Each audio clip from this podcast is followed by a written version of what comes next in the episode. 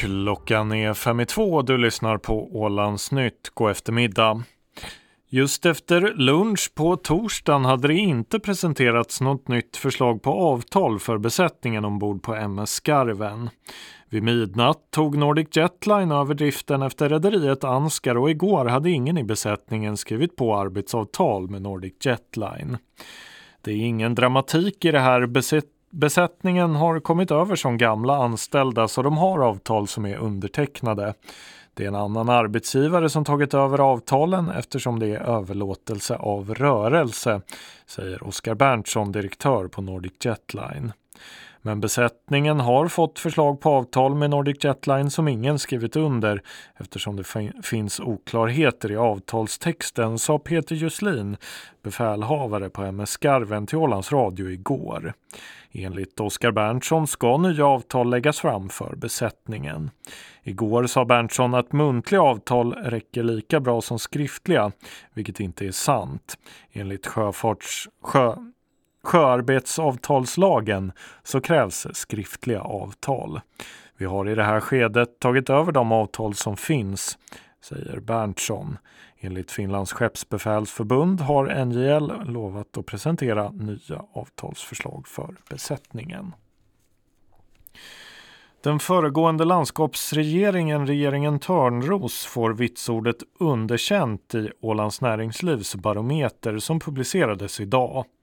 Ålands Näringslivs VD Susanne Olofsson säger att förtroendet för landskapsregeringen som institution är kraftigt skadat på grund av den politiska oenigheten kring elhybridfärjan som lett till ett skadestånd på omkring 14 miljoner euro att den tidigare infrastrukturministern Christian Wikström under en av sina sista dagar på jobbet godkände naturskyddsområdet Bogskär utan förankring i lagting eller landskapsregering har också bidragit till det låga förtroendet. Vi hör Susanne Olofsson. Det ger ju då väldigt starka signaler till det privata näringslivet att det saknas den här långsiktigheten. Hur ska man våga göra de här stora investeringarna? Från näringslivets håll så ser vi en stor möjlighet i den här havsbaserade vindkraften söder om Åland och vilken potential det har att ge till ålänningarna över en lång tid. Men för att få till de här investeringarna och jobba med de här sakerna så behöver det finnas en långsiktighet från politiskt håll.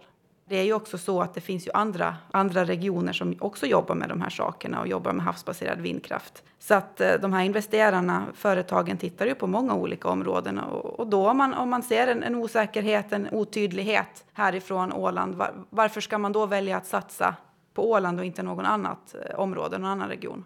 Och i den här kritiken mot den förra landskapsregeringen så lyfter ni också fram det här med att i Ålands hållbarhetsagenda och det gemensamma arbete som görs inom bärkraft så finns det ett delmål då som handlar om tillit och delaktighet.